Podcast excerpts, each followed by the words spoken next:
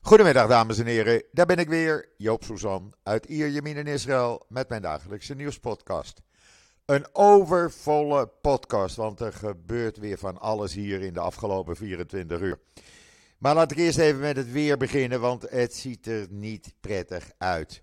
Het weekend dat vanavond begint hier in Israël, vrijdag en zaterdag, eh, wordt een regenweekend. Morgen de hele dag regen, het begint in de loop van de middag te regenen spreidt zich over het land uit. Morgen blijft het regenen. Zaterdag een groot gedeelte van de dag. Eh, misschien zaterdagavond eh, is het droog met die grote demonstraties in Tel Aviv, Jeruzalem en Haifa. We zullen het zien, maar het is, uh, ja, het is ook niet warm. Het is 16 graden en dat is, ja, het is winter. Laten we het daar maar op houden, winter in Israël. Toch maar even de COVID-cijfers. Ze worden nog dagelijks gepubliceerd, alhoewel ze gelukkig uh, aan het afnemen zijn. De afgelopen 24 uur op woensdag 829 nieuwe COVID-besmettingen erbij. Er zijn nu nog in het land 9145 mensen met COVID. 138 liggen er ernstig ziek in het ziekenhuis, waarvan 50 uh, eh, als kritiek worden aangemerkt. 45 van hen uh, aangesloten aan beademingsapparatuur. Het dodental als gevolg van COVID staat op 12.110. En dan uh, uit een groot Israëlisch onderzoek, want er wordt hier wat onderzocht, blijkt uh, dat de meeste langdurige COVID-symptomen binnen een jaar verdwenen zijn. Maar dat geldt dan alleen voor mensen die COVID in een milde vorm hebben gehad. Die uh, Israëlische studie kan je helemaal lezen, uh, totaal lezen op uh, Times of Israel. Het is overgenomen door de Wereldgezondheidsorganisatie. Dus ja, dan doet het ertoe, laten we het zo zeggen. De studie vond plaats onder bijna 2 miljoen mensen. die hebben de Israëli's geanalyseerd, de medische dossiers tussen maart 2000 en oktober 2021. Uh, eh, dus dat is niet zomaar een simpele studie. En uh, ja, dat zijn natuurlijk goede tekenen.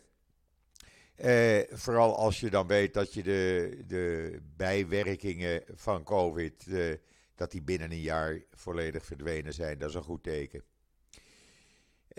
een ander goed nieuws. Ik vond dat echt positief nieuws. En zo is het ook.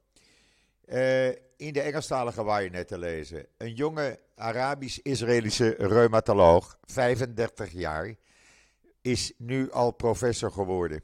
Hij heeft meer dan 200 wetenschappelijke artikelen op zijn naam staan. Het is dokter Abdullah Watad uh, en die werkt in het Sheba Medical Center. En die krijgt heel binnenkort die titel professor. Ik vind, uh, ja, ik vind dat geweldig voor deze jonge, jonge arts. Uh, hij uh, komt uit het dorp, Arabische dorp Yad, met twee T's, in het noorden van Israël.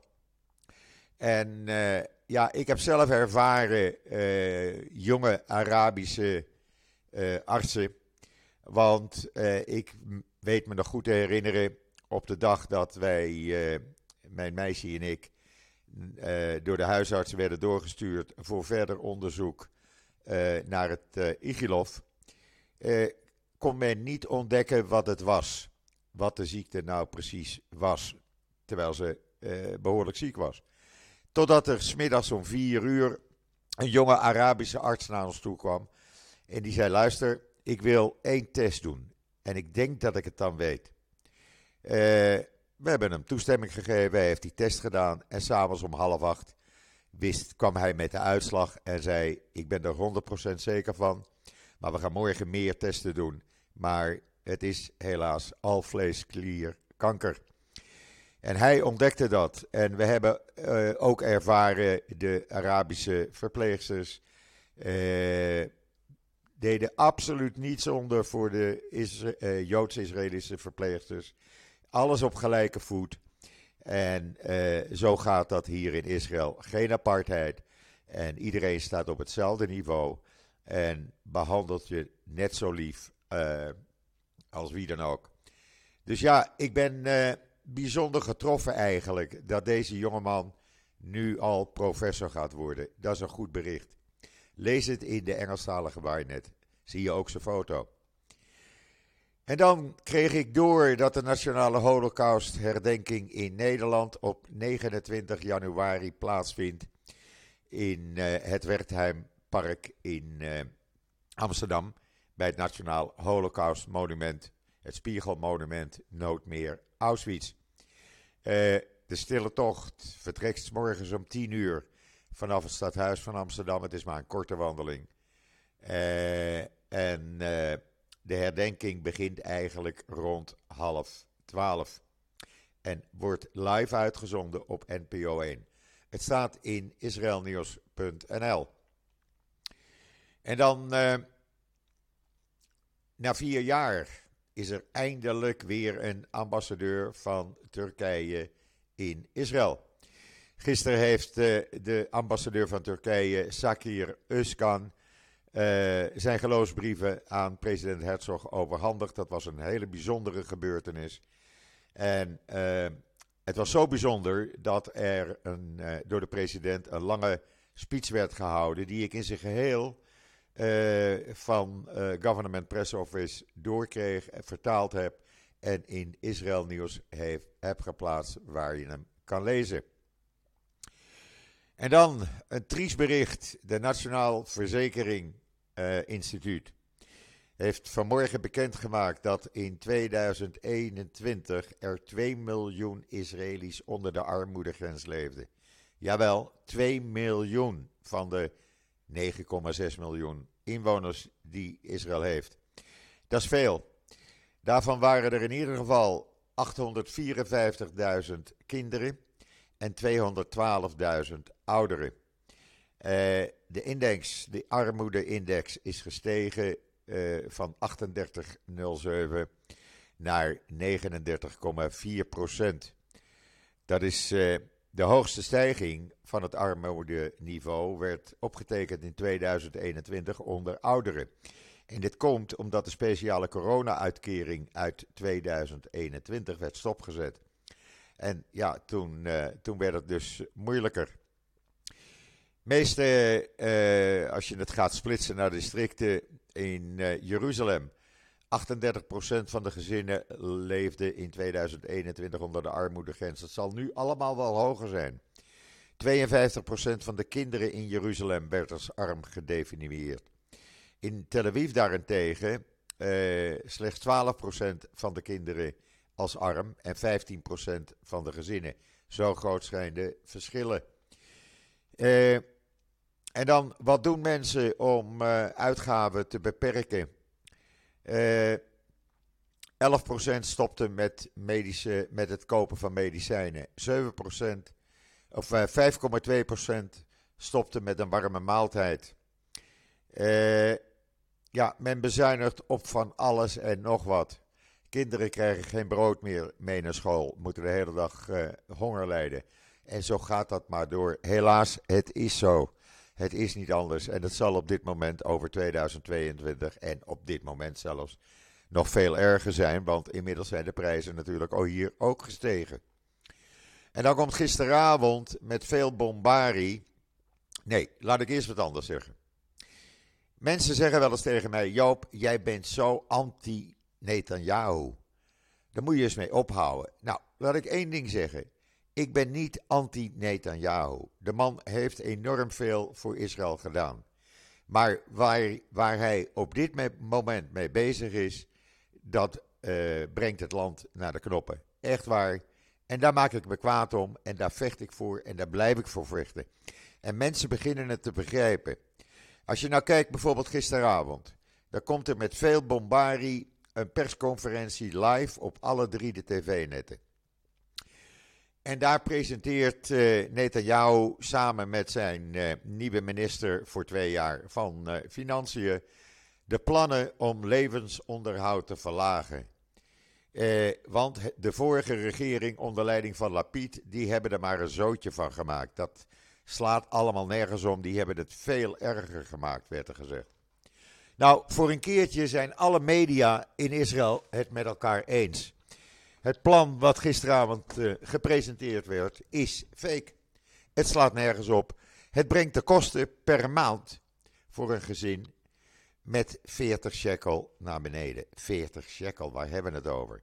Nou, omgerekend pak een beet 12 euro per maand. Eh, nog niet eens eigenlijk. Zoals uh, uh, schreef bijvoorbeeld, want ik heb uit alle kranten en uh, tv-websites wat overgenomen. Die zegt, sommige maatregelen hebben nog helemaal geen financieringsbronnen gevonden. Ja, we hebben er een paar gevonden, maar welke werden er niet gezegd. en de meeste secties wat men doet om het levensonderhoud te verlagen, dat is gewoon een voortzetting van wat Netanyahu en Smotrich het slechte beleid van de vorige regering noemden. Uh, men heeft dat gewoon voortgezet. Bijvoorbeeld uh, als je kijkt naar de benzine. Die uh, belastingkorting die werd in januari, ja, kwam hij er weer bij. want ja, de regering trad af en de nieuwe regering had nog niks gedaan. Netanyahu beloofde aan de vooravond van de verkiezingen trouwens dat de brandstofkorting nog verder zou oplopen, nog hoger zou worden. En wat gebeurt er nu? De verhoging van de prijs met 9 cent begin januari, die het gevolg was van die afschaffing van de belastingkorting, die, uh, nou, die komt gewoon te vervallen. En dat is het dan. Geen nieuwe grote korting. Deze stap is ongeveer 20 shekel per maand waard voor een autobezitter. Dat betekent, als we het omrekenen, nou pak een beet 6 euro per maand. Orend goedbelasting. Uh, dat zou uh, bevroren worden. Uh, en dat zou dan allemaal niet doorgaan. Nou, wat wordt er gedaan? Het wordt een klein beetje bevroren. En het scheelt een gezin met twee kinderen 6 shekel per maand. Oftewel anderhalve euro. En dan het bevriezen van de stijging van de prijs van water. Die zou 3,5% omhoog gaan. Nou, 70% wordt uh, bevroren en het gaat dus wel gewoon omhoog. Voor de komende maanden. Daarna gaat het gewoon met 100% omhoog. Dat scheelt 4 shekel per maand, oftewel anderhalve euro. Uh, elektriciteit. Wat gaan we daarmee doen? Want die zou met uh, ruim 8% omhoog gaan. Nou, uh, die 8% wordt ietsjes minder. Maar ja, het gaat wel gewoon omhoog. er wordt niets verminderd, er wordt niets afgetrokken. Het verstrekken van. nee, het gratis onderwijs voor kinderen van 0 tot 3 jaar dat blijft gewoon zoals het altijd was. Maar het blijft op papier bestaan. En eh, het uh, bevriezen van de renteverhoging op hypotheken, wat met veel bombardie was aangekondigd. Sorry, dat bestaat niet meer, het is geannuleerd. Want uh, ja, dat blijkt, blijkt toch niet te werken. Dus wat gebeurt er? Er wordt met veel bombardie aangekondigd: mensen, wij gaan jullie levensonderhoud verlagen. We gaan zorgen dat de prijzen niet meer stijgen. Nou, alles gaat gewoon lekker omhoog. En daar zijn de media het nu eens een keer met z'n allen over eens. Je kan het trouwens lezen in Israël Nieuws, waar ik dus uit allerlei kranten eh, en websites het een en ander van heb overgenomen. Dan heeft de IDF, en je kan de video weer zien in Israël Nieuws, uh, de afgelopen nacht 17 terreurverdachten gearresteerd en weer wapens in beslag genomen. Ze werden bekogeld, de soldaten, de jongens en meiden, met grote brokstukken uh, rots. Uh, ze schoten op uh, degene die ermee door bleven gaan. Ze wilden niet stoppen. Eén Palestijn is daarbij om het leven gekomen, helaas. Volgens de Palestijnen is de IDF heeft niets gezegd. En dan Barak Ravid, die schrijft tegenwoordig ook in Israël Nieuws. Barak Ravid is een van de bekendste journalisten in Israël. Een van de, ja, ik wil niet zeggen beroemdste, maar hij is enorm bekend. Hij schrijft voor Walla, uh, hij, heeft voor, hij werkt voor allerlei tv-journaals en hij heeft ook een eigen website, Axios. En Barak Ravid heeft mij toestemming gegeven om interessante artikelen voor Nederlanders over te nemen, zodat jullie dat ook weten. En daar ben ik bijzonder trots op. Het Negev Forum, daar heeft hij een artikel over geschreven. Dat heeft de afgelopen week plaatsgevonden in Dubai. En dat zou wel eens kunnen leiden tot Israëlisch-Palestijnse gesprekken. Uh, daar heeft hij een heel uh, artikel over geschreven, wat in het Nederlands vertaald op Israël Nieuws staat, zodat je dat uh, ook kan lezen, want het is echt een heel bijzonder artikel. En dan uh, hebben de IDF en de Israëlische politie een belangrijke terrorist vanmorgen vroeg opgepakt van de terreurgroep Lions Den. Dat is meneer Liad Ay Nasser, 33 jaar oud, uit Nablus. En uh, ze hebben zijn uh, machinegeweren in beslag genomen en hij zit vast. Goed werk van deze jongens en meiden. En dan uh, ook allemaal te lezen en te zien in Israël nieuws natuurlijk. En dit ook, het, de minister van Strategische Zaken, Dermer, die legt tijdens een conferentie in Miami de nadruk op Iran en het uitbreiden van de regionale vredesakkoorden. Hij sprak daar tijdens een speciaal gala-diner georganiseerd door de March of the Living in Miami, Miami, Florida. En ja, daar hield hij een, een hele lange toespraak, heel interessant. En ik zou zeggen, lees hem in het weekend even door, als het in Nederland ook slecht weer is. En dan een mooi verhaal van de IDF. Mason Sahada, een christen-Arabische vrouw uit Kfar Yassif. Yassif, dat ligt vlakbij uh, de kibbutz van mijn, uh, een van mijn broers, Beta Emek. Ik rijd daar vaak naartoe. Ik eet daar vaak zwarma. En ik winkel daar af en toe. Die uh, is op 45-jarige leeftijd, heeft ze besloten in de voetsporen van haar zonen te treden en haar man. En ze is bij de IDF gegaan. Hoe mooi is dat? Ze vindt het een nieuw hoofdstuk in haar leven. Prachtig van deze christen-Arabische vrouw. En haar hele levensverhaal met foto's is te lezen in israelnieuws.nl. En dan een ander artikel van Barak Ravid, wat ik gisteravond al online heb gezet. Zo belangrijk vond ik het. Dat de verdeeldheid groeit over het plan van Netanyahu voor justitiële hervormingen. En waarom doet dat ertoe? Nou, zegt Barak Ravid, het plan dat minder dan twee weken na het aantreden van Netanyahu's uh, regering werd aangekondigd, heeft de politieke verdeeldheid alleen maar vergroot en bij sommigen de angst aangewakkerd dat de verhoogde spanningen en de Israëlische samenleving uit elkaar, de Israëlische samenleving uit elkaar kunnen scheuren. En dat moet gestopt worden. Hij legt ook uit uh, wat de impact van het plan is. Het plan namelijk kan ook gevolgen hebben voor de Palestijnen op de westelijke Jordaanoever. Het Israëlische Hoge Rechtshof is namelijk de enige instelling waar Palestijnen nog terecht kunnen om hun rechten te verdedigen. En dan heeft hij het uh, over de demonstraties en wat je tussen de regels door uh, kan lezen. Nou, uh, het ziet er allemaal niet goed uit. Echt mensen, het ziet er niet goed uit. En hij legt het ook prima uit, Barak Ravid. En ja, ik zou het maar even. Lees het even op israelnieuws.nl.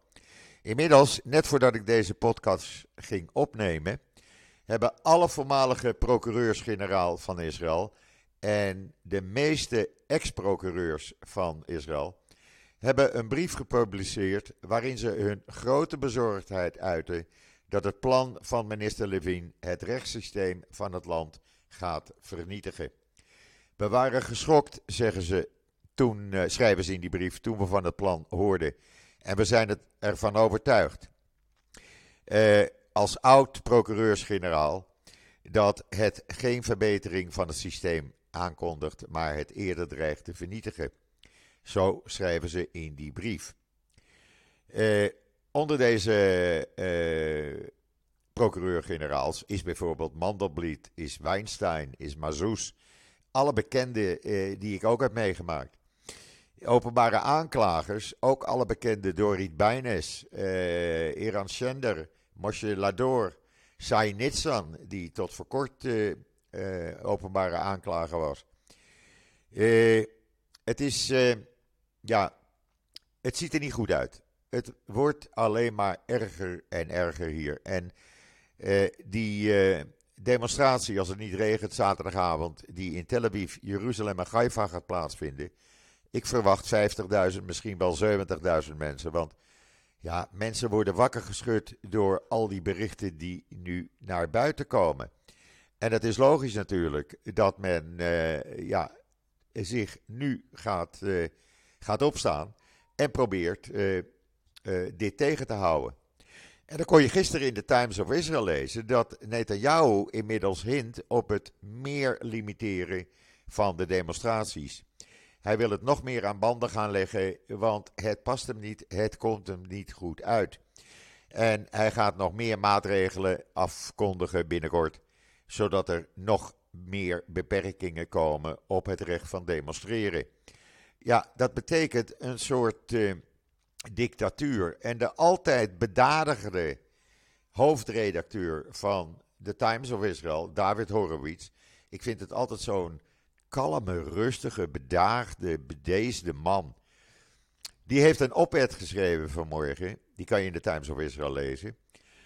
En uh, ja, ik schrok even van wat hij uh, als hoofdregel had. Hier komt het nieuwe regime in Israël. Benjamin Netanyahu's democratische dictatuur. Nou, dat zegt nogal wat. Dat zegt nogal wat wat er hier aan de hand is. En dit moet gestopt worden. Ik zou iedereen aanraden, lees dat artikel. Het maakt iedereen duidelijk wat er hier aan de hand is. Uh, er staan nog meer artikelen in de Times of Israel over deze uh, wet uh, die men zo snel mogelijk er doorheen wil jassen. En hoe snel? Nou, er ligt al een basiswet klaar. En die moet alleen nog maar eventjes door de Knesset gejast worden. En dan uh, is het wet. Lees dat in Times of Israel. Waar je ook kan lezen dat de binnenkort aan te stellen nieuwe IDF-baas, uh, Halevi, die gaat uh, Smotrich ontmoeten, de minister van Financiën, want die heeft zich er namelijk tussen geprest voor wat betreft de Westbank. Hij is minister van Defensie geworden voor de Westbank. Jawel, we hebben twee ministers van Defensie. Eentje voor de Westbank, dat is Smotrich, extreem rechts. En eentje voor de rest van het land. Zo werkt het. Nou, die gaan dus samen zitten. Ik denk niet dat dat een uh, leuk gesprek gaat worden. En dan uh, Alan Dershowitz. Wie kent hem eigenlijk niet? Was uh, betrokken bij Trump. Hij is professor in de rechten emeritus professor van Harvard.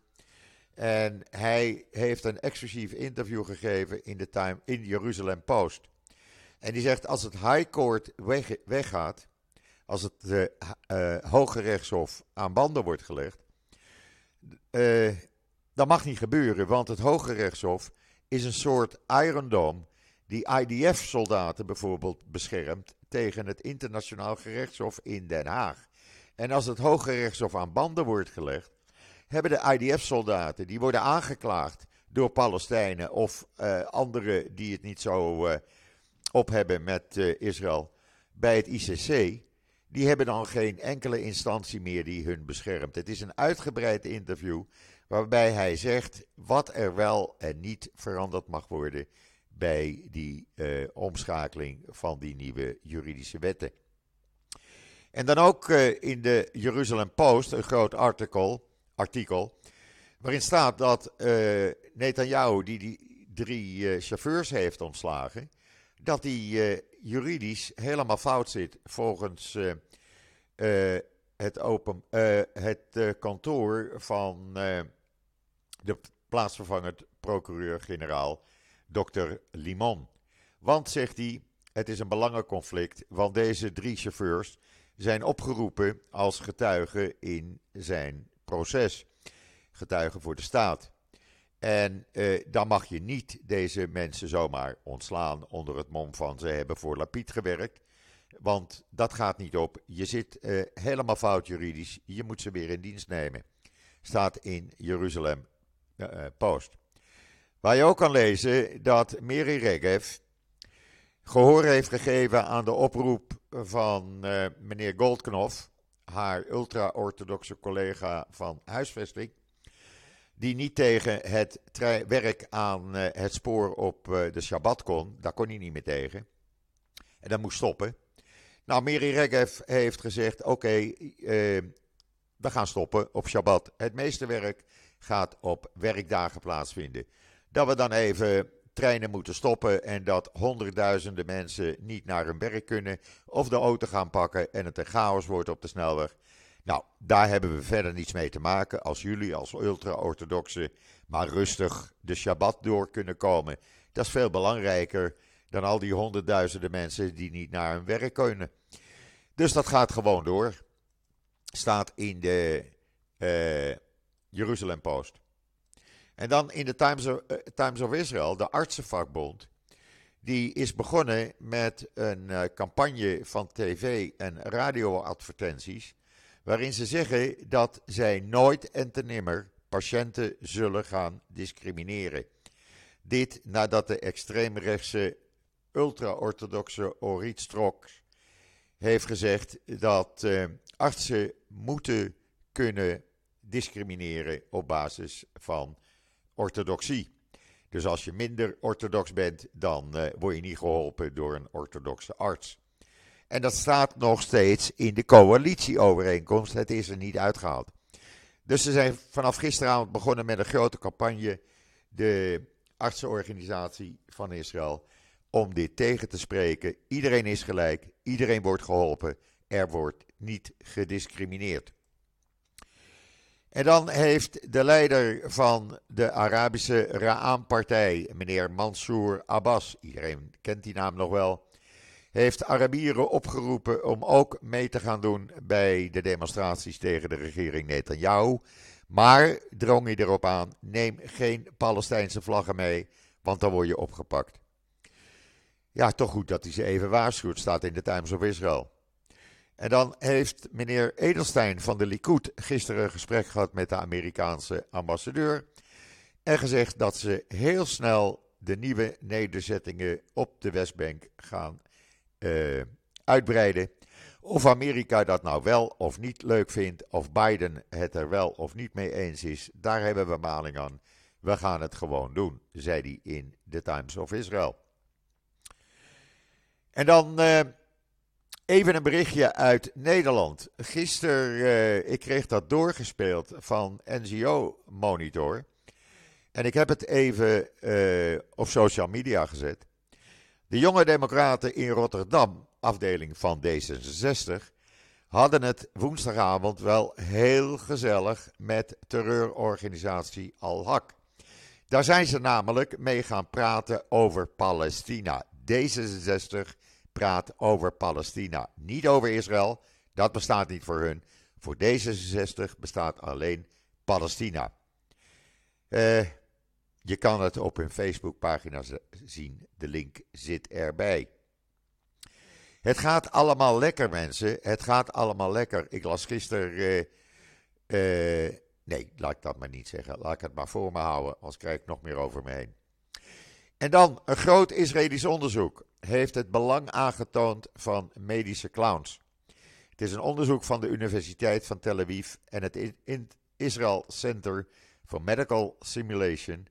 En die zeggen dat de vaardigheid van een uh, clown, een medische clown, uh, een meer dan emotionele band met de patiënt tot stand brengt. En ook vergroten ze de wens van de patiënten om uh, te doen wat de artsen opdragen. Het is een heel groot onderzoek geweest te lezen in de Engelstalige Ynet.